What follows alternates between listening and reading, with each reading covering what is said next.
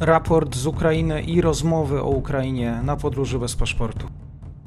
Dzień dobry Państwu, dzień dobry wszystkim słuchaczom. Po drugiej stronie Marek Kozubel, kłaniam się.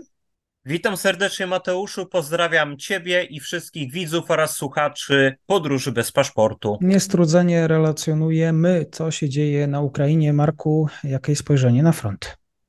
No, zaczniemy od Awdijiwki znowu, ale to dlatego, że tam faktycznie toczą się obecnie najcięższe walki na linii frontu. Dużych zmian może nie ma, jeżeli chodzi o przebieg tejże linii. E, niemniej jednak trzeba odnotować, e, no, że faktycznie tutaj się jednak sporo dzieje. Rosjanie przede wszystkim nadal e, próbują poszerzyć te swoje wybrzuszenie na północ od Awdijiwki w kierunku Nowokołynowego, ale także Oczeretnego i Nowobachmutiwki.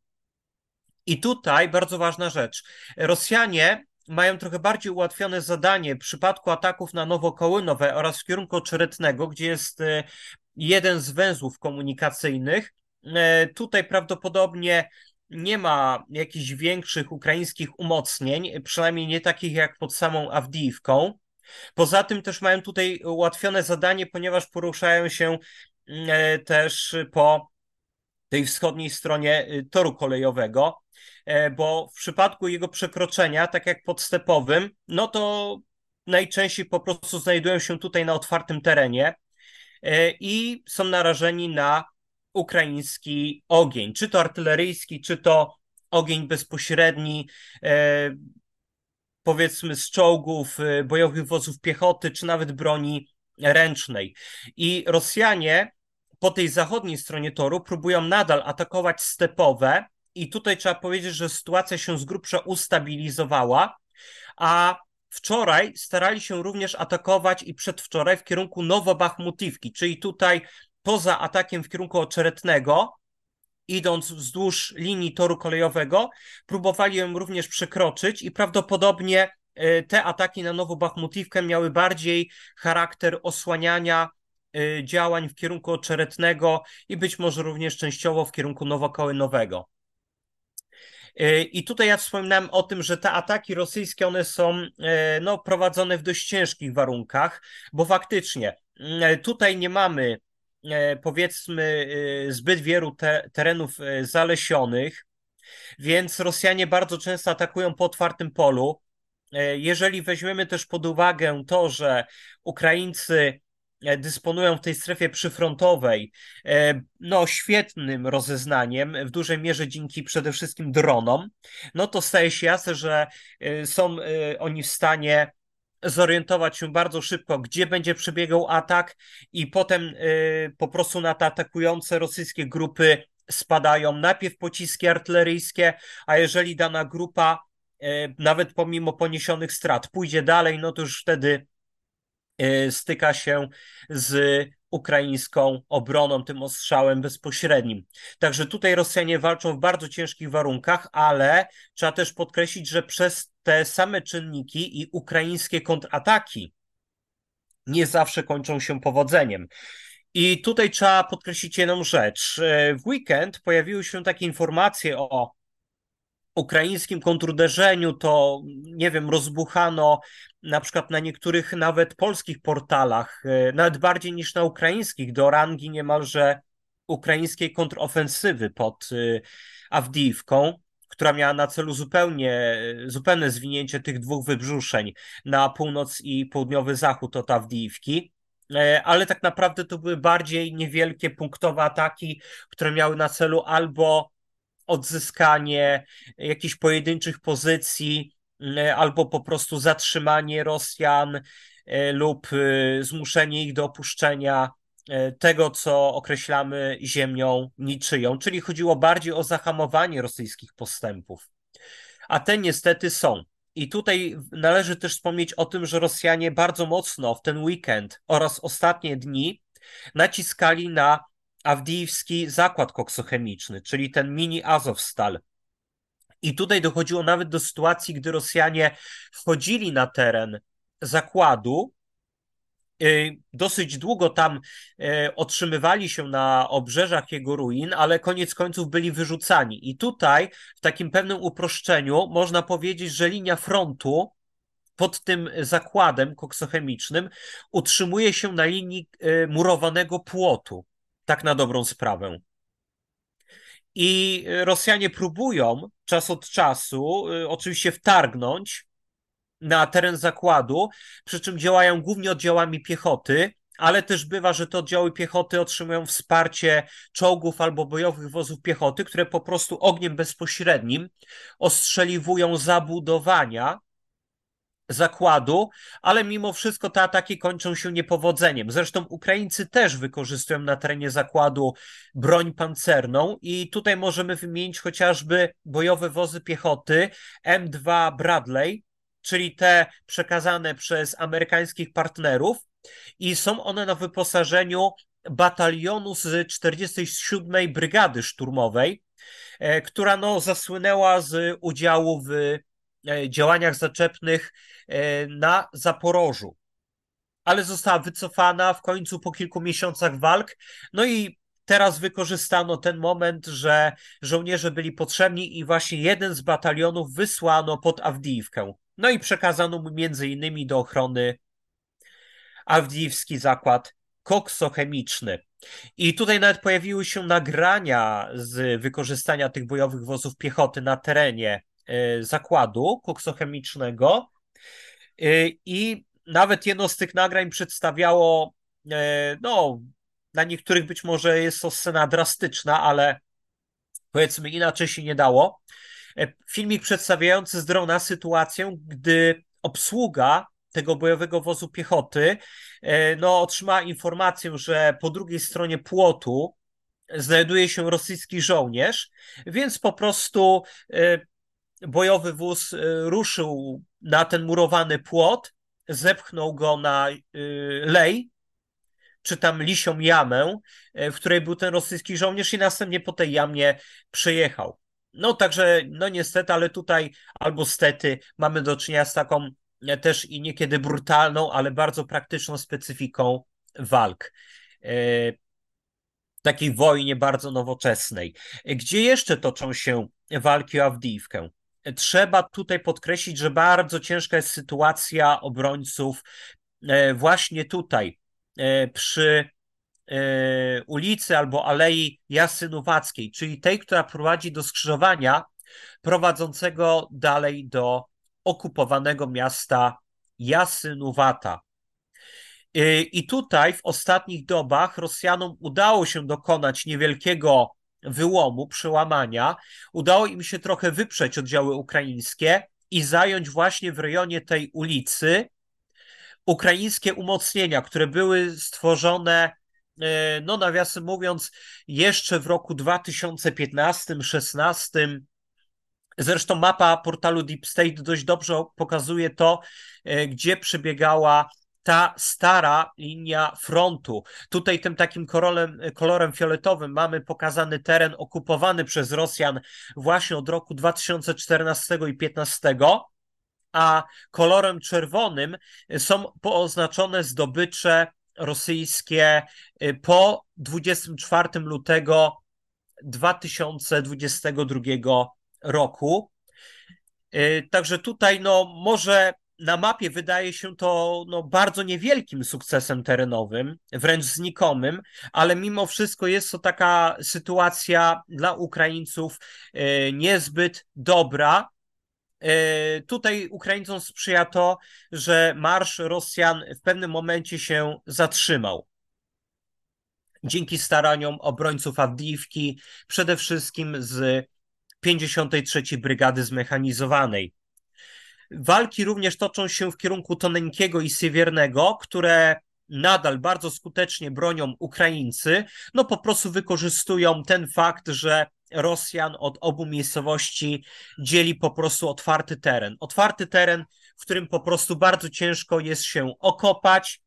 Jest on pod y, ostrzałem, gdy tylko Rosjanie opuszczają swoje pozycje wyjściowe, a niekiedy nawet Rosjanie są ostrzeliwani wtedy, kiedy czekają na rozkaz do rozpoczęcia natarcia.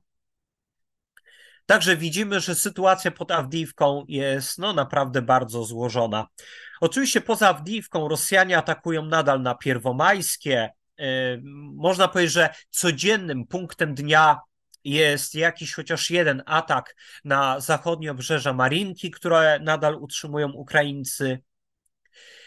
No, ale no, na razie już się przenieśmy na odcinek bachmucko-siwerski. Tutaj co prawda też nie ma dużych zmian na linii frontu, ale mimo wszystko też dzieje się sporo. Przede wszystkim Rosjanie odnoszą pewne niewielkie, ale jednak sukcesy terenowe na południe od Berchiwskiego zbiornika wodnego. Znajduje się on na zachód od wsi Berkiwka oraz nieco dalej położonej od niego e, wioski Jachidne. Tutaj Rosjanie uzyskują takie niewielkie sukcesy, troszeczkę spychają Ukraińców bliżej Bogdaniwki i Chromowego. Poza tym na południu od Bachmutu Rosjanie starają się bardzo mocno naciskać na ukraińskie pozycje pod Kliszczyjówką i Andriiwką. Pod Andriiwką e, odnieśli na razie bardzo niewielkie sukcesy. Udało im się, e, no, z tego co się na razie wywiedziałem, tylko zdaje się wczoraj przesunąć lekko linię frontu bardziej na zachód, bliżej właśnie Andriwki, ale nie doszli tutaj jeszcze Rosjanie do linii toru kolejowego. A w przypadku Kliszczyjówki faktycznie trzeba odnotować pewne rosyjskie sukcesy. Udało im się znowu podejść pod Kliszczyjówkę i zająć tutaj prawdopodobnie skrzyżowanie e, drogi e, oraz toru kolejowego. Drogi oczywiście prowadzącej z Kliszczyjówki do Bachmutu. Także tutaj sytuacja strony ukraińskiej się e, faktycznie pogorszyła. Ukraińcom sprzyja jednak to, że kontrolują wzgórza na wschód i zachód od Kliszczyjówki. Wzgórza, które górują nad terenem, nad okolicą. Jeżeli chodzi o odcinek słobożański, e, to tutaj oczywiście Rosjanie nie próżnują, ataków jest dużo. Przede wszystkim E, w tej północnej części odcinka, czyli na Synkiwkę, e, Petropawliwkę, Kysliwkę, Iwaniwkę, ale tutaj nie ma za to zbyt dużych zmian na linii frontu. Ukraińcy z kolei częściej przechodzą do działań zaczepnych w lesie sierybriańskim. Jeżeli chodzi o odcinek zaporowski, to tutaj przede wszystkim Rosjanie przeprowadzają już takie bardziej niemrawe ataki. One nie przynoszą e, zbyt wielu rezultatów. Rosjanie próbowali kilka razy e, pomniejszyć ten wyłom na południe od Orichowa, czyli ten właśnie słynny wyłom, w którym toczyły się bardzo ciężkie walki. To właśnie w tym miejscu Ukraińcy wykorzystywali wspomniane też przeze mnie bojowe wozy piechoty Bradley, i to właśnie też tutaj między innymi walczyła 47. Brygada y, Szturmowa. Y, tutaj Rosjanom no, ostatecznie się te działania nie powiodły. Ukraińcy teraz systematycznie odbijają ten teren, który utracili w wyniku tych rosyjskich y, kontrataków, które miały miejsce no mniej więcej w tym samym czasie, kiedy ich koledzy zaczęli działania pod Awdijiwką. Także tutaj Ukraińcy wykorzystali ten moment, że e, no po prostu u Rosjan znowu kołdra robi się za krótka, jeżeli chodzi o liczebność oddziałów, o liczebność rezerw i po prostu powoli odbijają ten teren, który utracili. Przy czym, no tak jak już e, tutaj wspominałem, aż tak dużo go nie było. E, przy czym jeszcze na dodatek Ukraińcy zyskują troszeczkę terenu, atakując w kierunku wsi Kopani. I tutaj e, niektórzy obserwatorzy, analitycy, osintowcy są bardziej łaskawi dla oddziałów ukraińskich niż e, rodzimy ich ukraiński portal Deep State UA, z którego mapy korzystam, bo pokazują oni tutaj większe rezultaty ataków po stronie ukraińskiej niż właśnie e, widzicie, widzicie tutaj państwo. E, Rosjanie jeszcze przeprowadzają ataki w kierunku Staromajorskiego i Urożajnego. w dolinie rzeki Mokry Jar, ale tutaj te ataki najczęściej przynoszą niewielki rezultat. Także nie mają one na razie przynajmniej dużego znaczenia dla działań na linii frontu. E, ciekawie oczywiście e, robi się na odcinku hersońskim. E, tutaj możemy śmiało powiedzieć, że Ukraińcy nadal ładnie utrzymują krynki, choć oczywiście to nie jest tak, że nie ponoszą strat, owszem, ponoszą je, ale no, rosyjskie ataki na ten przyczółek y, no, kończą się po prostu systematycznym niepowodzeniem. Nawet pojawiają się informacje, że Ukraińcy stopniowo przechodzą do y, kolejnych takich działań zaczepnych w tym lesie na południu od Krynek, poszerzają tutaj swoją kontrolę, a także zaczynają y, wypychać Rosjan ze wschodniej części tej wioski, i zmierzać w kierunku Korsunki, prawdopodobnie wykorzystując do tego las.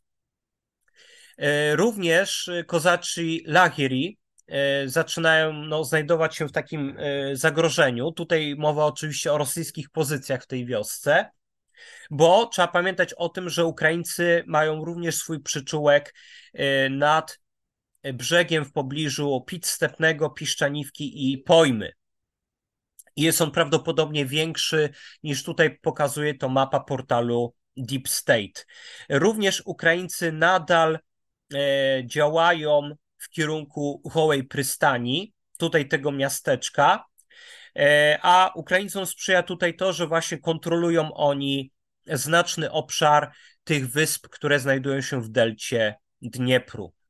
I wskutek tych wszystkich działań Rosjanie ogłosili wczoraj, że dojdzie do ewakuacji administracji okupacyjnej z Ołeszek, które de facto już się znajdują na linii frontu, do miasteczka Wyłyki Kopani. Ale tutaj trzeba podkreślić jedną rzecz. Otóż niektórzy przyjęli tą informację o, o ewakuacji administracji okupacyjnej jako rzekomy sygnał do rosyjskiego odwrotu y, z nad delty Dniepru. Nic bardziej mylnego. Po prostu chodzi o to, że Rosjanie wolą, no, yy, można powiedzieć, zapewnić większe bezpieczeństwo pracownikom swojej administracji wojskowej i cywilnej i po prostu przenieść ich do bardziej bezpiecznego miejsca, yy, gdzie nie będą narażeni na utratę życia, czy na to, że działania strony ukraińskiej, chociażby ostrzał albo ataki dronów FPV, nie będą po prostu utrudniać bądź hamować tutaj ich pracy. I no, w tym świetle jest to działanie bardzo pragmatyczne. Z kolei z drugiej strony Ukraińcy ogłosili, że te rosyjskie informacje to fake, i tutaj y, postulują, że jest to po prostu kolejny rosyjski podstęp. Tutaj chociażby powołując się na e, informację, która się pojawiła e, jakiś czas temu w rosyjskich mediach, e, która wskazywała na to, że Rosjanie zaczną właśnie odwrót z nad Dniepru na wschód, na bardziej wygodne pozycje. I tutaj no, musimy zwrócić właśnie uwagę na to, że ten odwrót ma dotyczyć właśnie administracji, a nie oddziałów wojskowych. Odwrót administracji na bezpieczne stanowiska do bardziej bezpiecznej miejscowości jest jak najbardziej możliwy i racjonalny, ale właśnie nie oznacza to odwrotu oddziałów wojskowych. E, poza tym musimy też pamiętać o tym, jaki mógłby być koszt dla Rosjan w przypadku odwrotu. Musimy pamiętać o tym, że póki mogą oni chować swoje oddziały oraz artylerię w tym masywie leśnym e, blisko delty Dniepru, to no, są w stanie po prostu maskować swoje oddziały, ukrywać się przed Ukraińcami, albo przynajmniej opóźniać ich wykrycie. E, jeżeli się wycofają na wschód, to znajdą się przeważnie na otwartym terenie. No, w tych warunkach po prostu e, Ukraińcom będzie po prostu łatwiej e, polować na e, różne rosyjskie systemy, artylerię, będzie po prostu łatwiej można rozpoznać, gdzie koncentrują swoje oddziały E, także dla Rosjan nie będzie taki odwrót rzeczą zbyt wygodną, bo z kolei Ukraińcy będą mogli sami obsadzić e, te lasy, które się znajdują chociażby właśnie w rejonie Krynek, Korsunki, na południe od kozaczych Łagierii, czy przy Czelburdzie. Także to no, nie będzie dla Rosjan zbyt wygodne, bo tutaj z kolei Ukraińcy wykorzystają ten teren do umaskowania e, swoich pozycji. Warto też wspomnieć o tym, że na odcinku hersońskim Rosjanie co jakiś czas e, tracą e, różne ważne systemy albo uzbrojenie. I tutaj warto wspomnieć o tym, że w Czapłynce ta miejscowość znajduje się o właśnie tutaj. Zniszczony został bardzo drogi rosyjski system obrony przeciwlotniczej Pancyr. E, notorycznie jest ostrzeliwana bryliwka. No może nie codziennie, ale dość często. Na przykład dzisiaj pojawiała się informacja o kolejnym ostrzale e, bryliwki przez Ukraińców. Również na tym odcinku zniszczony został kolejny E, rosyjski system do ostrzału pociskami termobarycznymi, czyli TOS. No, zwany też e, również solcepionkiem. Także można powiedzieć, że ten odcinek hersoński nagle stał się dla Rosjan no, dość takim nieprzyjemnym odcinkiem.